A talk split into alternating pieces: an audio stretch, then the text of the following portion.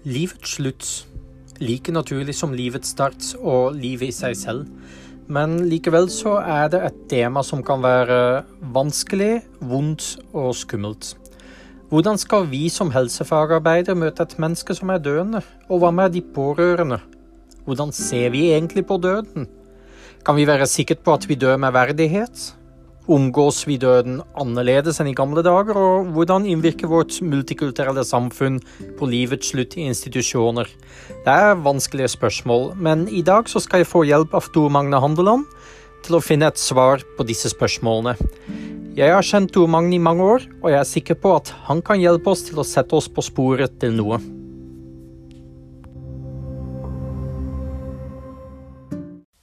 Ja, nå sitter jeg sammen med Tor Magne. Eh, velkommen til oss. Tusen takk. Kan du fortelle litt hvem du er, og noe om din bakgrunn? Ja, jeg heter altså Tor eh, Magne Handeland. Eh, født og oppvokst i Arendal. Men har bodd eh, eh, mesteparten av så godt som hele mitt voksne liv da, på, her på Østlandet. Og bor nå halvparten av tida mi i Heggedal i Askøy. For de som vet hvor det er. Det gjør nok de fleste. Det er verdens navle. Det er verdens navle. Up, up and coming. Ja. Og så bor jeg også eh, halvparten av tida mi med min forlovede i Larvik. Også en flott liten by.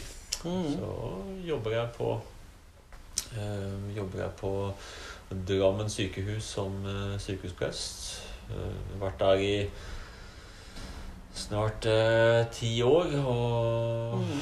Nei, over ti år. Og, og har også vært, eh, som du vet, eh, en god del år som institusjonsprest i Asker. Så jeg har egentlig vært eh, og et par år på sykehus i USA totalt sett. Så har vært eh, du var institusjonsprest på Solgården. Der har vi Ja. flere av elevene som er i praksis. Ja, Interessant. Ja, Mhm. Da har jeg vært mye. Ja. Så jeg har da vært på aldersinstitusjonene da, i Asker og på Bråset i Røyken, hvis jeg vet hvor det er. Så Mhm. Da jobba jeg med de, jeg med de eldste av de eldste. Ja. Veldig flott år eh, å jobbe med det. Så har jeg egentlig vært i helsevesenet hele min karriere. Mhm. Ja. Men en sykehusprest hva, altså, Man har hørt om rollen, og det er ikke alle som har vært i kontakt med sykehuspresten, når de har stukket innom sykehuset. Hva gjør du? Hva er din hverdag? Eh, ja, det er kanskje ikke noe eller en tittel eh, mange ikke vet så veldig mye om, og kanskje har mange rare assosiasjoner rundt. Eh, eh, Nå er ordet prest også kanskje en litt sånn belasta ord. Mm. Så kanskje må vi begynne å se etter andre ord i framtida. Men det, mitt arbeid det består av eh, samtaler med pasienter og pårørende. Eh, men jeg jobber minst, det vet kanskje ikke så mange, at jeg jobber minst like mye med ansatte. eh, I form av samtaler og veiledning, kurs øh, øh, Ja. Så, så arbeidet mitt består like mye i det. Mhm. Undervisning, ikke minst. Ganske mye variasjon. Ja, det er akkurat det. vet du. Mm. Jeg har vel aldri to like Nei, jeg har, jeg har aldri to like dager, altså. Okay. Mhm. Så eh, det er det spennende med, med dette arbeidet, syns jeg. At det er så stor variasjon. i. Mhm. Det består ellers så også eh, en del eh, noe etikkarbeid, f.eks. Ethvert helseforetak er påbudt å ha det vi kaller for en klinisk etikkomité. Mhm. Eh, som er et slags et organ da, hvor, hvor enten behandlende personell eller også pasienter og pårørende kan henvende seg for å få Vi har ikke noe mandat bortsett fra å kunne gi råd, rett og slett. Ja, ja. Men et sted hvor en kan få lufta eh, ofte vanskelige behandlingsspørsmål Mhm. eh, med en eh, bredt tverrfaglig sammensatt Ja. komité. Så der sitter jeg for tida som leder, f.eks. Så, Og elevene har vel lært litt om etikk, om Ja, det? det som er godt læren om godt og riktig, eller ja, riktig og feil. ja. Men eh, det går jo vel også litt inn på kanskje noe forskning og den type ting. Etiske vurderinger der og Et, et, skal vi si, et etisk dilemma, da, det er jo, for å si det kort og enkelt, den situasjonen hvor vi opplever at ting vi anser for å være gode, da, begynner å kollidere. mm. Ikke sant? ja. Det vil si at du begynner å bevege deg ut i et grått farvann hvor du ikke helt vet eh, hvordan, hvordan i verden skal vi navigere nå. Mm. Og, men hvor en allerede hvor en har etablerte medisinsk-etiske prinsipper da, som en kan ta i bruk for å kunne eh, ikke nødvendigvis komme fram til den ene riktige konklusjonen, men, Mm. men iallfall sitte igjen med en følelse at nå tar vi et vel Vi kom fram til en veloverveid avgjørelse. i Mm. hvert fall. Og det er noe annet Gjennomdiskutert. gjennom Ja, ja. å kunne gå hjem fra arbeid en dag og tenke at vi, vi gjorde så godt vi kunne, Mm. enn å gå hjem fra jobben en dag og lure på hva i all verden var det vi gjorde nå for noe sånt. Ja. Og det er jo ofte det som tærer på, eh, på helsepersonell. Mm. Mm. hva i all verden er det vi holder på med nå? Er det et eller annet som vi ikke har fått tatt en hel titt på, men pga. tidspress og stress, og Ja. fordi vi gjør det vi er vant med å gjøre, så, så får vi ikke en sjanse til å ta en titt på det. Mm. Og, og eh, altså du sa i stad at du, du snakker like mye med helsepersonell som med pasientene. Mm. Uh, mange av oss opplever nok en terskel, tror jeg, å, å ta kontakt med, med en person og snakke om da. Mm. Uh, Om, om etikk. Eh, Det skal jo egentlig være bare en veldig lav terskel, tenker jeg. Mm. Og det, Der brukte du et begrep som mange også har så mange assosiasjoner til. eh, Når vi bruker et ord som åndelig. Mm. Så, eh, så hvis du har en samtale om det, så vil alle de som sitter der, ha forskjellige assosiasjoner til hva vi Ja. egentlig snakker om for Ja. noe. Eh, Så ofte må man liksom klargjøre hva det egentlig hva legger vi i det. For det finnes så Mm. mange betydninger av det. Mange knytter det til noe strikt religiøst, eller, og, og noen knytter det til kulturelt, og andre Mhm. knytter det til, eh, til eh, spesifikke eh, utenomjordslige erfaringer eller et eller annet Mhm. sånne ting. Mhm. Så, men jeg må rett og slett bare være litt enig om For meg så er ordet Først og fremst åndelig er bare et, et, et begrep for det hele. For Mhm. alt det som binder alt sammen. Eh, Så mitt arbeid Skal vi se Det å være pasient i dag, det fører ofte til at en får både liv og helse veldig fragmentert. Ja. At eh, kroppen eh, deles opp i deler Mm. nærmest som en bil.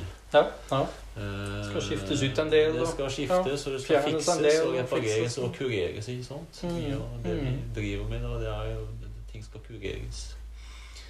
Eh, og, og, og den modellen der fungerer flott, det hvis det er eh, ting som enten er akutte Vi er veldig flinke til å redde liv i dag.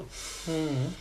Men vi er, det helsevesenet vi har i vår del av verden, er elendige på ofte kroniske og, og mm. langvarige lidelser. Mm. Da vet vi rett og slett ikke hva vi skal gjøre. Og, og også skal vi si eh, Og det som har med, med livets slutt å gjøre. Så vi har mye, mye, mye å lære og mye å gå på i forhold til hvordan holder vi det hele sammen. Mm. Så mitt arbeid dreier seg jo mye altså Mye av helsevesenet fokuserer på de ytre, påtagelige ting som å igjen kurere kroppsdeler Ja, ordne ja. kroppsdeler osv. Mens mitt arbeid retter seg mye mer mot skal vi si, pasientenes indre verden. da. Mm. Hvordan ser den ut? Ok, hva Og det har jeg også prøvd å, å, prøvd å lære det til eleven at når du ser eh, vår gode venn Maslow sin pyramide, Ja, så er det helt på toppen en sånn liten bit som heter kulturell skråstrek åndelig. ja. Eh, og det er noe sånn vanskelig begrep for eleven, og, og hva er det vi legger inn i det egentlig? Mm.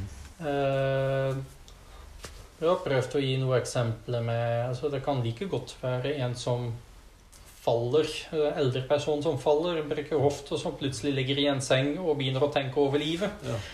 Eh, Jeg legger også en samtale med en sånn person inn i kulturell åndelig, selv om det kan være helt bort fra en gud, eller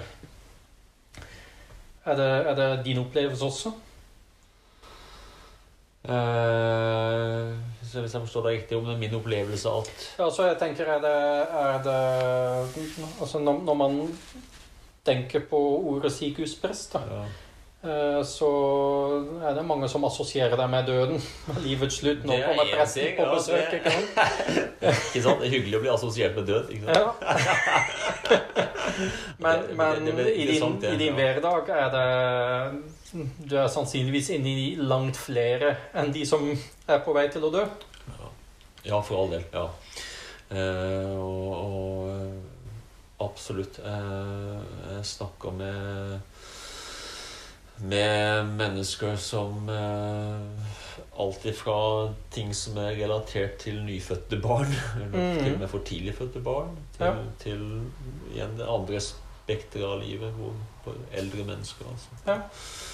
Som befinner seg helt på livets slutt, og mm. alt derimellom. Men det er klart, mye av arbeidet mitt retter seg mot mennesker som har fått en, en alvorlig og ofte livstruende sykdom. Mhm. ja.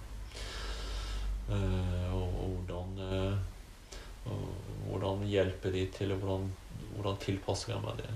Mm. Hvordan kan jeg finne de ressursene som trengs for å kunne leve med den situasjonen jeg nå har havna i? Ja. Eh, og da må det en, ofte en, en En må tilnærme seg det fra mange sider. Okay? Mm. det, skal vi si, det klassiske tradisjonelle helsevesenet vi har, det igjen fokuserer på alle de ting som er målbare, alt, alle de parametrene vi har. Okay? Ja. Det som står på skjermen. Det som står på skjermen og alle de tingene der, men igjen tilbake altså eh, Det som har både med hvordan, hvordan Hvilken betydning har dette for meg som har denne sykdommen for meg? Mm. Mm. Påvirker, Hva slags rammeverk for forståelse har jeg? Hvordan ser mitt verdensbilde ut? Mm. Er det stort nok til å kunne romme denne situasjonen her, eller er det for, er det for lite? Det er jo ofte det sykdom, alvorlig sykdom gjør med Det, altså det knuser Ja, det knuser den forståelseshorisonten jeg har. Eh, og eh, igjen eh, og, det, og, det, det, det slenger holdt jeg på å si, livets dypeste spørsmål mot meg. da. Og får meg til å våkne opp. Mm. Mm. Og det er jo ofte sånn det er. da. Ofte så må det en alvorlig sykdom, en lidelse, en ulykke, en krise til for å få oss til å våkne. Ja. Ikke sant? Vi hadde jo i en av forrige podkastene hadde vi en podkast om kreft. Ja. Vi snakket med en dame som ble kurert eh, to ganger av uh, to forskjellige kreftformer. Men uh, hun nevnte også det med at eh, når hun fikk den diagnosen, så stoppet hele livet. Da var det sånn bang, da var det ferdig. Ja. Og så gikk hun inn i en boble med behandling og ja, Mm. hun kalte det for en egen boble å være i Mm. før hun slapp ut Ja. som frisk. da, eh, Og kunne tenke igjen på framtid og Mm. Så det, det er jo en, en ting jeg ofte hører ukentlig minst, er jo for all verden måtte jeg oppleve dette her da, for å forstå hvor, Mm. hva som er viktig i livet. mm. Hvorfor måtte jeg få kreft for å skjønne Hvordan klarer du å gi det mening? Hvordan jeg, klarer å gi dem mening? Ja, så jeg tenker Når du er i den samtalen, og noen stiller deg spørsmålet 'Hvorfor har jeg fått det?' Uh, ja, ikke sant? Uh, det, det er jo det spørsmålet som alle Det er på en måte nesten en sånn, en, en, et refreng da, som kommer hos mange hos veldig mange pasienter, og veldig mange av oss egentlig. Altså, vi Mm. lever med en slags illusjon om at alt kan ramme alle andre, men ikke meg. da. Ja. Ja.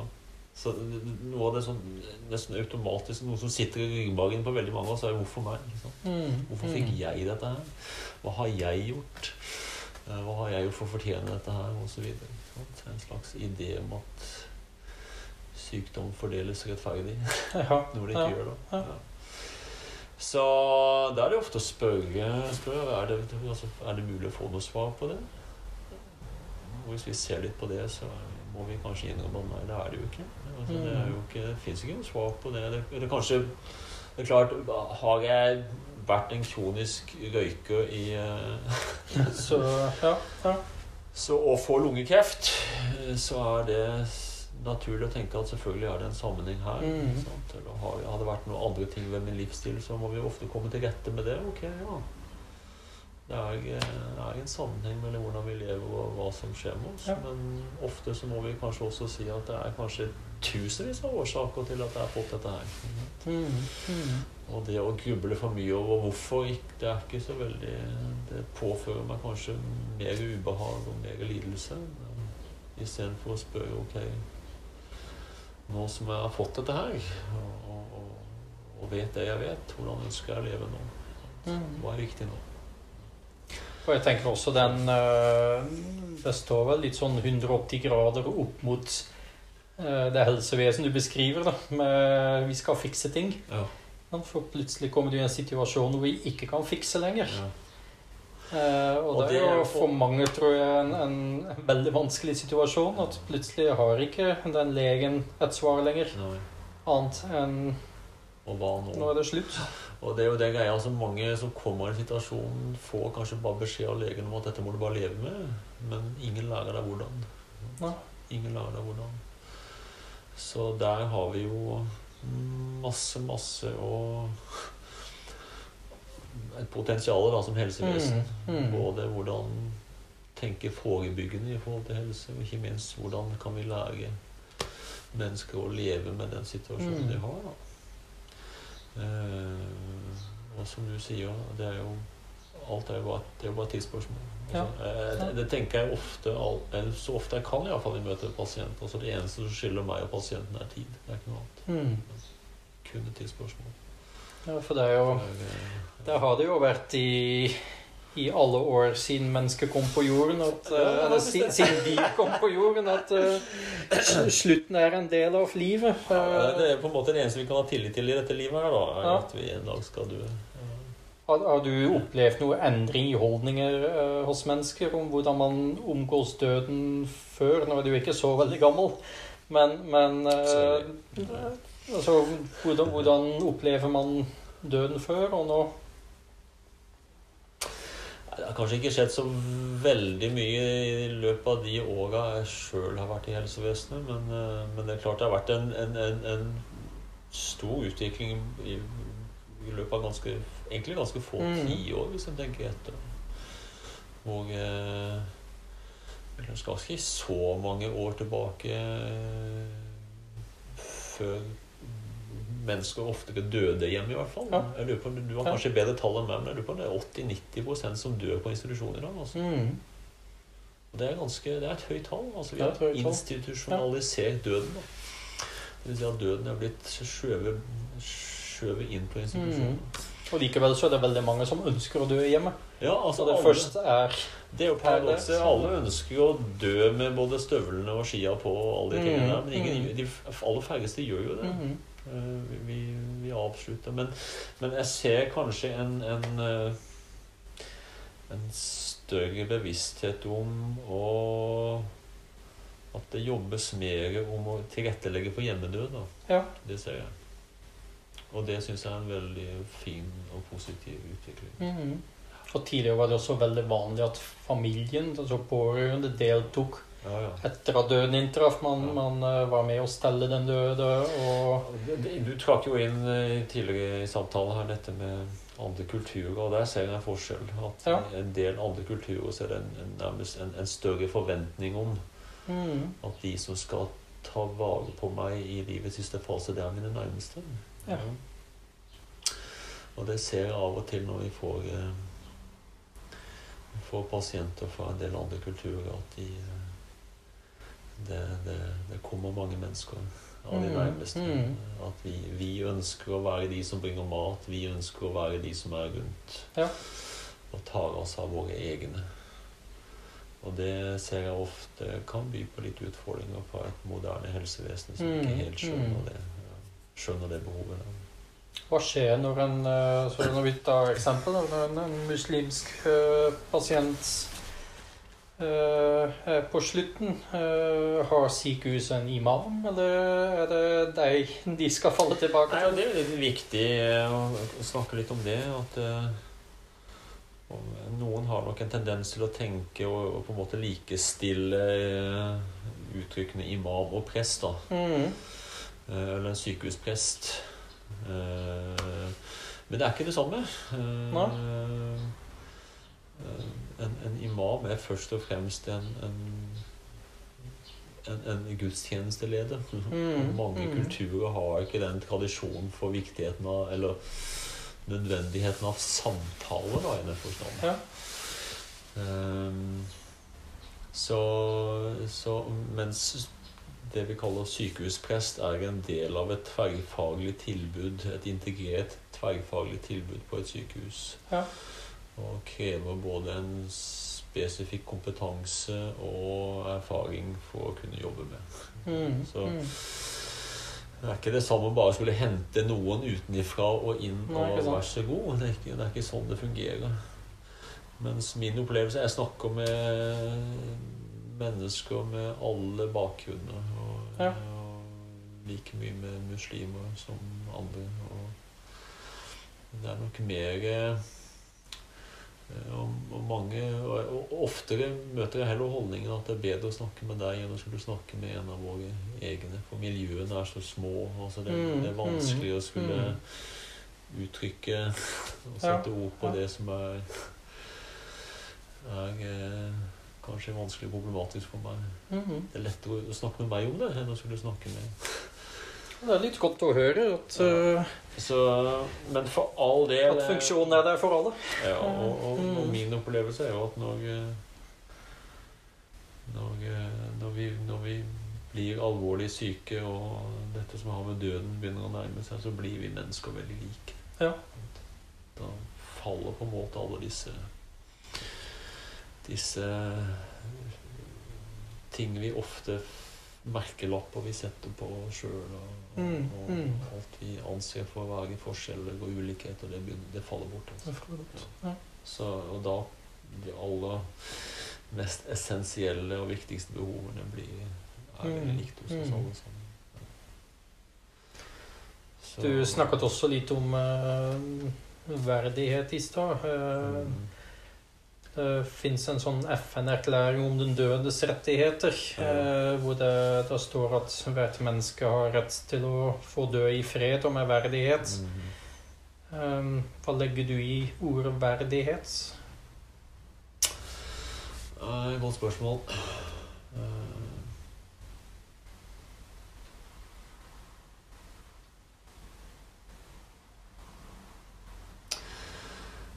Tror eh, det må ha noe med at jeg i, i, oss, i livets siste fase må få lov til å ivareta min egen menneskelighet. Det er det Mhm. ene. Mm. Eh, og det vil si at det skal på en måte i god tid, forhåpentligvis eh, eh, At det skal være fritt fra alt av eh, Ja Ofte så blir verdigheten krenka fordi vi holder på altfor lenge. Mm. altså vi, vi stanser Gir ikke. ikke slipp. Vi gir ikke slipp, nei. Det er noe av det. Ikke? Som lege, for eksempel, og sikkert sykepleier også, så er vi så drilla på å, å redde liv. Mm. At vi vet ikke helt når er nok nok, da. Ja. Eh, og det kan ofte i mange tilfeller gjøre en død uverdig, tenker jeg. Mm. Når Mm. vi, når vi Hele denne problematikken som dere kanskje har snakket om, det som har med overbehandling å gjøre. Ja, ja.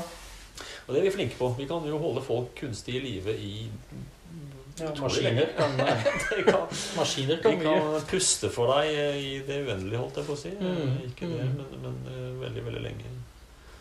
Og som gjør at eh, mange, både pasienter og pårørende, ikke får lov til altså, Døden er jo noe veldig både personlig og individuelt også. At vi Mm. får lov til å gjøre min egen død til en egen erfaring. Da. Altså, jeg mister muligheten. Både til å ta farvel, til å kunne skape en god ramme rundt det, til å kunne markere det, for å kunne ha mine nærmeste, de jeg vil skal være der, skal få lov til å være der. Mm.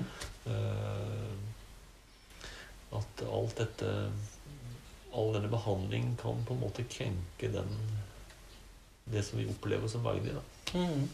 Eh, Er det kanskje også en av mulige svar på hele dilemmaet rundt aktiv dødshjelp? Altså man, man, eh, man diskuterer det politisk.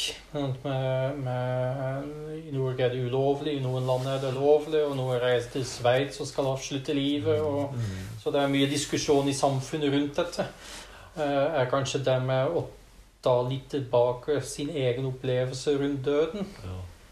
en av de svarene som kanskje kan eh, kan si at nei, aktiv dødshjelp er ikke det riktige. Det er iallfall det, det som ofte ligger bak ønsket om aktiv dødshjelp da, blant de som kjemper for det, er jo fordi, nettopp fordi en ønsker å ivareta verdigheten min. Da. Mm, mm. Altså, jeg er livredd for å skulle bli liggende i en situasjon hvor, eh, hvor andre både tar den avgjørelsen for meg, eller bli værende i en tilstand hvor jeg ikke ønsker å være. Mm, mm. Jeg ønsker å regissere det sjøl. Ja. Eh, Så tror jeg det også, også en del altså vi, Det er så mye vi kan gjøre for å gjøre den siste fasen av livet verdig, som du sier. da. Mm, mm. Eh, Så, så jeg føler vi ikke har eh, Før vi Holdt jeg på å si Vi, vi, har, ikke, vi har ikke uttømt de mulighetene ennå. Vi har så mye å gå på. Ja, det er det. Der kommer jo litt palliasjon inn i bildet. Ikke sant? Eh, Mm. kan, kan, du, kan du fortelle litt kort om hva, hva er eh, lindrende Hva gjør en lindrende avdeling? Hva, hva er palliasjon? Hva ligger i det? Ja, Det er jo en annen del av jobben min. En stor del av jobben min. Jeg sitter jo som en del av det vi kaller for eh, palliativt team på Drammen sykehus. da. Ja.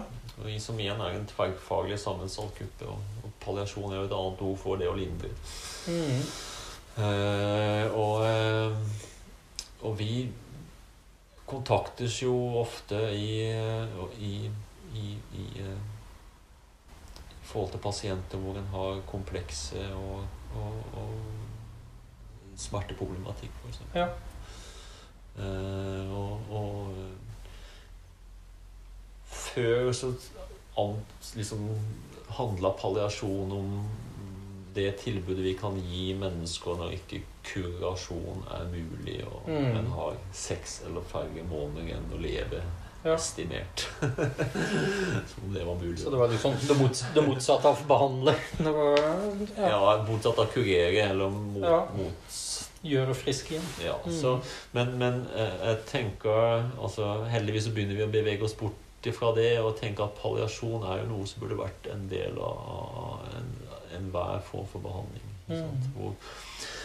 Det mest grunnleggende i palliasjon er at vi skifter perspektiv. Ja. Igjen fra å eh, fokusere på årsak til sykdom og effektiv en bestemt måte å kurere det på, til faktisk hva hva er, hva er denne pasientens perspektiv? Okay. Ja. Ja. Ja. Det, det vil si den, denne pasientens erfaring av å være syk. Mm. Det vil si en, en, en legger vekt på hvordan kan vi høres rart ut, produsere velvære. Mm. Ja. Uh, alle til hele pasientforløpet. Ikke sant? Hva skal til for at denne pasienten skal ha det best mulig? Ja.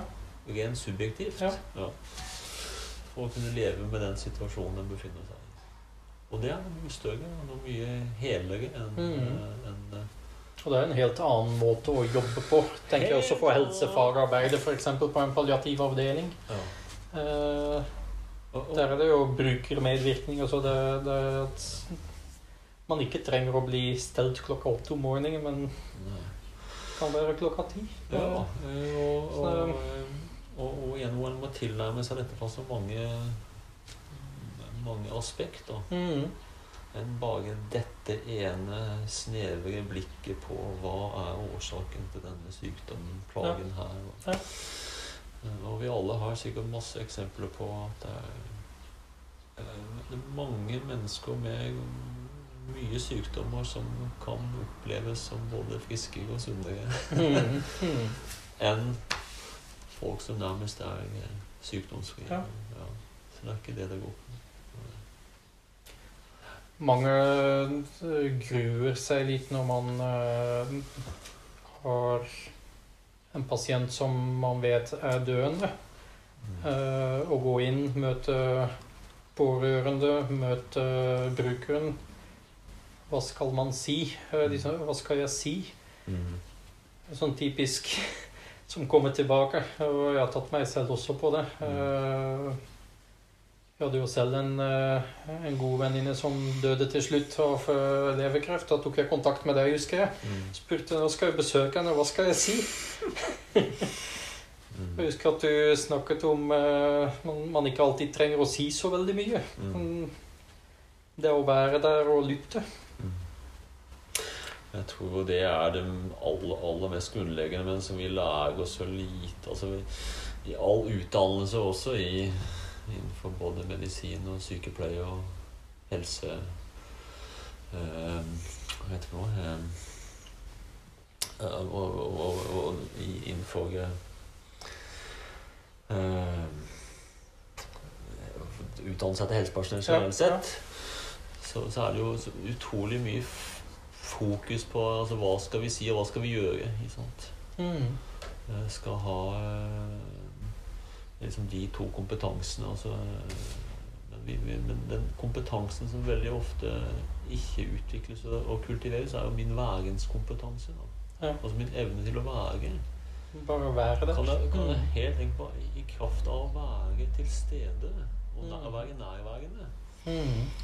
Eh, hvis jeg er bare opptatt av hva eh, min egen fremtreden, hva skal jeg si, hva skal jeg Jeg må det være et eller annet jeg skal gjøre. Jeg har alltid misunt ofte sykepleiere. for De, alltid noen de, kan, de kan ta på folk, de kan gjøre Ja, ting. ja. Men også sykepleiere for eksempel, havner jo i en situasjon hvor det ofte ikke er så mye jeg kan gjøre. Mm. Men det både pasienter og, og, og pårørende med en gang legger merke til, er jo min måte å være på. Ja. Sant? Eller kan er, jeg, er jeg nærværende til stede, eller er jeg ikke det? Mm. Det, det, det oppfanger jo jo veldig, veldig kjapt. Og jeg tror jo at den største gaven jeg kan gi et annet menneske, er jo min egen nysgjerrighet. Så Mm. kan jeg være undrende. Kan jeg leve meg inn i og lure på hvordan, dette, hvordan ser dette ut for deg? Kan jeg legge merke til hva er det som skjer i dette rommet her nå? Kan jeg altså, å, å, vise, å gi mennesker din egen interesse og nysgjerrighet. Mm. Og som du sier, den måten å lytte på. Så er det en, det aller, aller Iallfall det mest grunnleggende. Mm. Det er jo litt sånn aktivlytting. Altså. Ja, ja, Det er lov å spørre. Og, ja. Ikke sant? Ja. mm. Det er så øh, øh, å, å hjelpe mennesker til å fortelle Mm. på deres premisser. Og ofte så er det bare det beste er ofte av og til bare å være stille. Liksom. Ja. For du Til syvende og sist, det å Død er jo noe vi ikke helt forstår. Da. Det er jo et mys fint ord. Et mysterium. Mysterium. ja. Som ikke vi har Vi har ikke ord for det. Vi har ikke vokabular for det. Ja. Så Når du snakker om det med å være til stede Du er jo godt utdannet innenfor mindfulness. Eh, som Jeg kan ikke mye om mindfulness, men, men eh, jeg har hørt at det er bl.a. det å være til stede. ja. Eh, er det noe som har hjulpet deg i den jobben?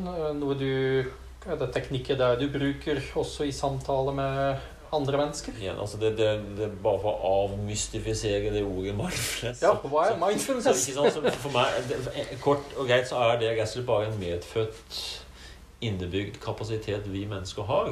Ja. Men som vi bruker, eller som vi har blitt avlært. Okay? Jeg, mm. jeg var født Mm. med det, men har- etter hvert som vi vokser til, så avlæres vi det. Ja. For eksempel, barn er mye mer nærværende til stede enn det voksne stort sett er, i hvert fall. Eh, Men så finnes det heldigvis måter igjen Det er jo bare en, en måte å våkne opp for. Mm. Våkne opp. Eh, og en, en, en, kort sagt en- ved, en s- bestemt måte hvordan, hvordan jeg bruker oppmerksomheten min på. Ja. Uh, og, og nærvær merker vi jo kort og godt på den måten at har jeg den andres fulle og hele oppmerksomhet, eller har jeg ikke det? Mm. Det går fint an å sitte og snakke med et annet menneske, oppmerksomheten min kan være et helt annet sted. Ja. Som lege så kan jeg gå inn til en pasient, men jeg kan være der og samtidig tenke på den pasienten jeg var hos i stad. Eller jeg kan begynne å sitte og gruble på den pasienten jeg skal til Mhm. og, og Mhm. senere i dag. Eller hva jeg skal til middag, for den saks skyld. Da er jeg ikke der. ikke sant? Ja. Og det merker pasientene. Eller de pårørende, for den saks skyld. Uh, mange har jo opplevelser av å gå til legen, og legen sitter bak en datamaskin, f.eks. Mm. Ja. Mm. Sånne ting er skadelig. Ja. Ja.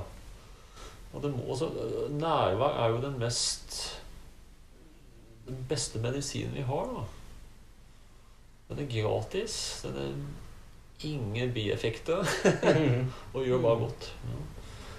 Det er godt for den som som gir det, og det er godt for den som får. Så det er sånn en, Ja. en, en, en, en positiv feedback loop. da. Mm. Mm. Hvor eh, både jeg, jeg får noe, jeg står sjøl til lading når jeg er nærværende, og, og, og samtidig som pasienten Det de, de skaper velvære hos pasienten. Ja. Um, og, og alle vet vi hva det vil si å snakke med noen som er nærværende, i motsetning til å snakke med noen som er fraværende. Mm. Absolutt. Og du vet hva du foretrekker? Ja, absolutt. Absolutt. Eh, og, og altså, det med nærvær Jeg har også opplevd både gråt og latter rundt dødsleie. Ja, uh, altså, det, det, er ikke, altså, det er jo trist at noen er såpass syk at de, at de kanskje snart går over til den andre siden. Men, uh, men samtidig så er det jo en veldig sånn intens, intim, varm, serien situasjon mange ganger. Mm. Uh, er det din opplevelse også? Ja. Eh, ofte så er jo eh, en situasjon rundt en død er jo, Det er jo mange følelser. ikke Ja. Eh, og det er nettopp denne dette mangfoldet av følelser. Hvordan kan vi romme, romme, begge, romme det hele? da? Det, det er ofte Mm. det, det, et, det som etterspørres hos meg, er kan jeg romme alt dette her. Det er kanskje både glede, det er sorg, det er lettelse, det er eh, tristhet, eh, vemod, alle de tingene der. Eh, så, men, men, men hvordan både Dette er jo ting som avhenger selvfølgelig både av pårørende og Ja, også ja. hvordan pasienten har eventuelt hatt mulighet til å kunne både forberede seg sjøl og på, forberede sine Mm, pårørende mm. nærmeste på hva som skal skje osv. Så, videre. så alle, alle er forskjellige. Og, uh, for noen går det tyngre, for andre går det lettere. Og, eh, Det er jo hele følelsesspekteret. Hele, og, og, og hvis jeg bare kan få lov til å Jeg hadde sjøl fått lov til å Apropos hvordan også pasienter kan gjøre det lettere for sine nærmeste. Da. Ja, Det er jo ved å bringe humor inn, faktisk. Mm, mm. Jeg var sjøl til stede ved en, en, en avslutningen på et liv nå for eh, bare et, eh, et par uker siden. Ja. eh, Hvor eh, et nært familiemedlem gikk bort, han som hadde levd med ALS da, i, i, i ti år. Og Ja. vært på respirator, hjemmerespirator i fem av de årene. Og, og den befriende kommentaren, fantastiske kommentaren, siste kommentaren han hadde før, eh, før de la han i søvn Mm. og skulle koble fra respiratoren, det var eh, ja, Han kunne kun, kun kommunisere med øynene sine. Ja. Ved å antyde hvilke ord og bokstaver skal sies. Var, var så typisk han nå, da. at, tei. Nå er det på tide å skape et helvete på den andre sida. og vi som sto rundt kunne Ja. le av det. Det var det siste. Nå, nå setter vi i gang. Så det er bare et eksempel da, Mm. på Mm. Det er ikke alltid, det er ikke alltid trist. Det er ikke det. Ja. Iallfall ikke alltid bare tristhet. Ja. Det kan også være både latter og Det er klart, det var også en person som har levd lenge med sykdommen. Har levd lenge med det. Ja, ja, det det. Ja. Så, kanskje også hatt, hatt tid til å forberede seg. Og, og selvfølgelig slåss og, og Mm. måtte brytes Mm. med det spørsmålet i lang, lang, lang tid. Ja. Så, men nå, nå ble tida inne. Ble Mm. inne. Ja. Hva er din opplevelse med barn? Altså, jeg tenker ikke barn som går bort, men barn som pårørende. Mm. Altså, er, eh, skal man behandle de på samme måte som en voksen? Hvordan pleier barn å uttrykke, uttrykke seg rundt et dødsleie? Eh, Min opplevelse er at eh, barn håndterer det som har med død, veldig, veldig greit. Men det avhenger av hvordan de voksne, Ja. hvordan de voksne forholder seg. Måten de voksne er på. Mm. Eh, Jeg tror det er så utrolig viktig å inkludere barna i dette her. Ja. Og ikke på noen måte gi uttrykk for at dette her er noe som kun er for voksne. Mm. Ja. For det gjør man mange ganger. Det gjør det. veldig. Og må holde barna unna. Da Ja. barna vet ikke noe Ja. Jeg er opptatt av, Vi ser også viktigheten at det er, at det er de nærmeste Ofte så vil en gjerne igjen En vil gjerne skyve døden over til ekspertene. da. Ja. Ja, ja. ja. Og eh, hva skal vi si til barna våre, og hva skal vi Altså alle de tingene der. og Kan ikke dere snakke med barna våre? og sånne ting. Mm, Men vi mm. ser, vi ser jo at det er så utrolig mye viktigere at, at barna får informasjon av sine egne Ja. sine nærmeste. Ja. Og at de føler seg inkludert. At dette her selvfølgelig eh, All informasjon må tilrettelegges for det nivået som Eller det alderstrinnet og, og, og utviklingsstadiet som ethvert barn befinner seg på. Mm. Mm. Eh, så sånn sett så kan det være greit å få, få litt veiledning og råd, men, men, men eh, igjen at barn føler at de er en del av det. Ja. Og, og, og, de å få lov til å både stille spørsmål og, og være på sin måte. Mm. Uten at de tvinges inn i noe. Men eh, de kjenner at det er en stor frihet rundt det. Så, Ja. så håndterer barn det veldig, på en veldig fin, naturlig måte. Altså. Igjen problem ofte de voksne. Ja. Meget det. Ja. ja. Mm. Så tenker jeg at uh, en som også er litt sånn gjenganger, er eh, i forhold til helse, helsepersonell. Da. Mm. At uh, og jeg, var ikke helt profesjonelt for jeg satt og gråt selv. Mm. Um, og da tenker jeg litt på det du snakker om som er nærvær, og, og det å være ekte. Mm. Um, jeg tenker at det er helt greit at en profesjonell gråter med. Ja, for all del. Eh, ofte så mange, eller mange forbinder nok ordet profesjonell med det å være distansert. Mm. Og, øh, men jeg tenker heller tvert imot. Eh, Så handler det om å være profesjonell, om å kan eh, Har jeg evnen til å kunne være nær? Ja. Har jeg evnen til å kunne la meg påvirke? Ja. Altså Den dagen du ikke lar deg påvirke av det du holder på med, så, så bør du ta et lite skritt til siden. Også. Mm. Mm. Og jeg, jeg ser jo igjen og igjen at det er noe både pasienter og pårørende setter pris på. Og, og, og virkelig verdsetter, så er det jo å kunne møte igjen helsepersonell som viser at deres liv påvirker en. Ja, ja. Ja. Det er jo det som skaper det der mellommenneskelige båndet mellom oss. Mm. Mm. Og som, eh, og som forteller oss at vi, vi er tross alt så er vi i samme båt. Da. Eh, Du har og, og du har ja, viser iallfall at du forsøker å sette deg sjøl i bindeskoene. Så selvfølgelig, det, det finnes uh, I det øyeblikket jeg tar fullstendig over Ja, og, og stor, stortuter Ja. og, og Ja. ikke klarer å kontrollere det, så er det noe annet. mm, Men, mm. Det finnes ekstremtilfeller av det òg. Men det å kunne både ja, vise toget og Mm. Det tror jeg bare er det gode. Ja. Vi har nå vært i en, uh, i en periode som har vært litt uh, krevende for uh, helsevesenet i forhold til det med korona. Mm. Hvordan har situasjonen påvirket ditt arbeid?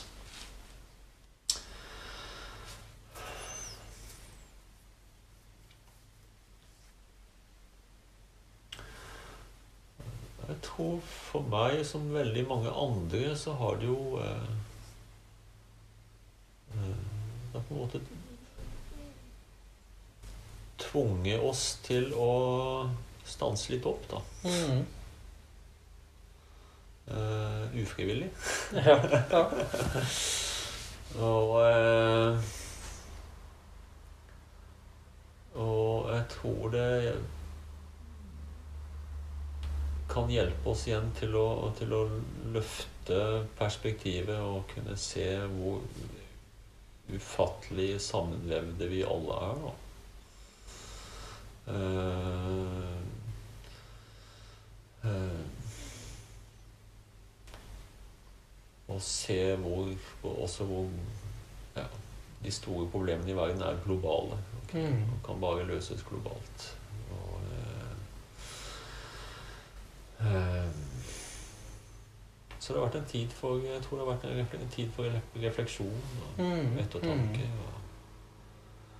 Og, og eh, Jeg har også litt følelsen av at ja. selv om man ikke blir syk, så har allikevel mange plutselig tenkt med at livet er, livet er skjør. Ja. Og, og igjen denne dagen Det får oss liksom til å innse at dette vi kaller for hverdagen, da ikke er selvfølgelighet. Ikke sant? Mm. Mm. Nei, det er ikke selvfølgeligheter.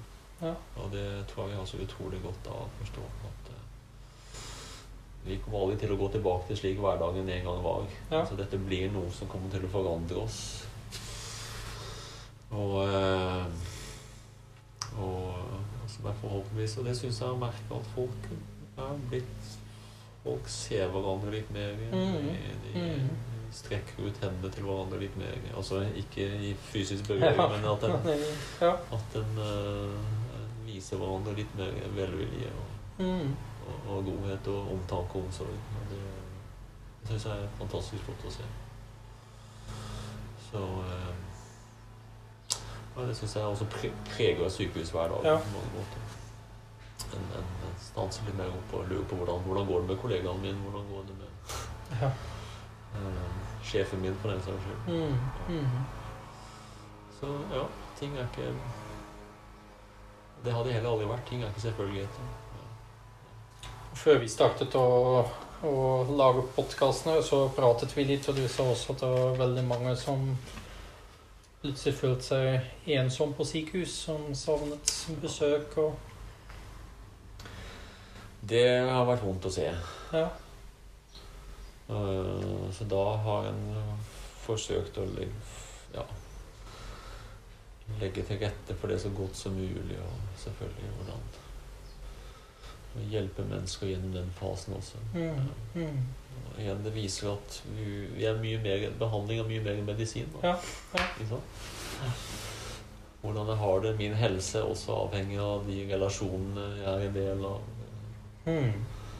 Um, og den, både den omsorg og omtanke jeg får, og, og den omsorg og omtanke som jeg sjøl gir.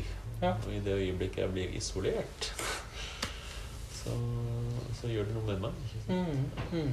Jeg tror også man får litt sånn litt mer helhetlig menneskebilde inn i hele perioden. Man ser plutselig hvor, hvor viktig det sosiale er. Ikke sant? Hvor viktig det er å, å ha en skole å gå til. Ha jobb å gå til, ha, Ja. ha en hverdag. eh, det, det, kanskje ser vi nå hvor viktig det er. Ja, ja. Og både hva, hva isolasjon gjør med meg, hva ensomhet gjør med meg. Mm. Ja. Håper vi lærer noe. Ja, absolutt. Ja. Nei, men da tenker jeg at vi avslutter her. Tusen hjertelig takk for eh, samtalen. Ja, takk i like måte. Takk for at jeg ble invitert. Ja. Ja. Og håper vi at uh, elevene har en liten tid med refleksjon når de hører på.